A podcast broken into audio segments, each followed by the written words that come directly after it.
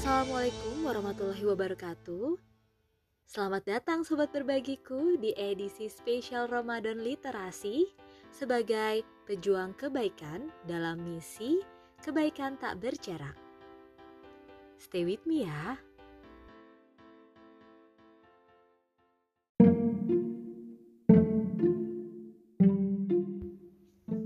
Kemarin, aku lihat postingan dari si berkreasi di Instagram. Isinya tentang kebiasaan kita yang tidur pas kelas online dimulai, terus bangun pas kelasnya udah selesai. Relate banget ya. Entah kenapa hawa-hawa ngantuk itu sama kayak pas lagi di kelas gak sih? Padahal kalau buka HP untuk scrolling sosmed atau ngegame atau nonton film tuh mata kita kayaknya bisa melek sampai 24 jam. Ya nggak sih? Tapi emang sih kendalanya jadi pendengar itu bisa gampang hilang fokus atau bosen. Kalau aku jadi ngebayangin nih gimana ya anak-anak sekolah online. Gimana caranya mereka belajar? kayaknya mau gak mau mereka belajar sendiri ya. Soalnya kalau ketemu teman-teman untuk belajar bareng tuh kayaknya masih susah gitu. Bisa jadi malah sama-sama gak paham.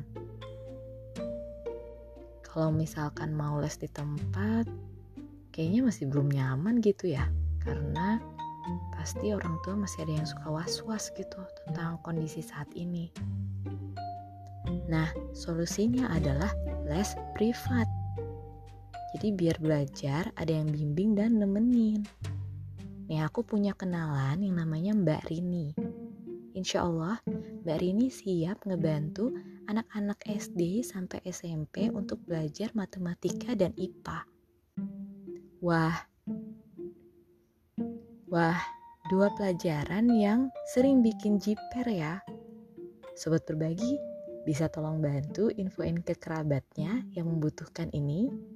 Kalau kamu bisa bantu, nih aku kasih tahu nomor Mbak Rini. Kamu bisa hubungi ke nomor WA-nya Mbak Rini di 0812 2609 3322. Sekali lagi ya, 0812 2609 3322.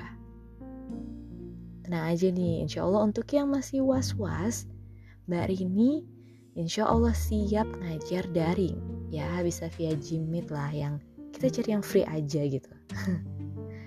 Jadi gak ada alasan untuk khawatir penyebaran pandemi dalam belajar. Insya Allah. Hmm, ternyata ada sisi positifnya internet ya pas lagi pandemi gini dia bisa mendekatkan kita walaupun kita seharusnya jaga jarak demi kesehatan bersama. Seperti di dalam surat Al-Baqarah ayat 216. Yang artinya, boleh jadi kamu membenci sesuatu padahal ia amat baik bagimu. Dan boleh jadi pula kamu menyukai sesuatu padahal ia amat buruk bagimu. Allah mengetahui sedangkan kamu tidak mengetahui.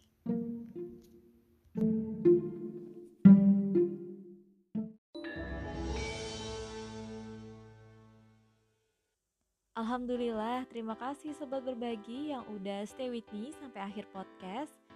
Semoga apa yang tadi aku sampaikan dan yang kamu dengerin itu bermanfaat untuk kita. Amin. Semangat berbagi sobat berbagi. Wassalamualaikum warahmatullahi wabarakatuh.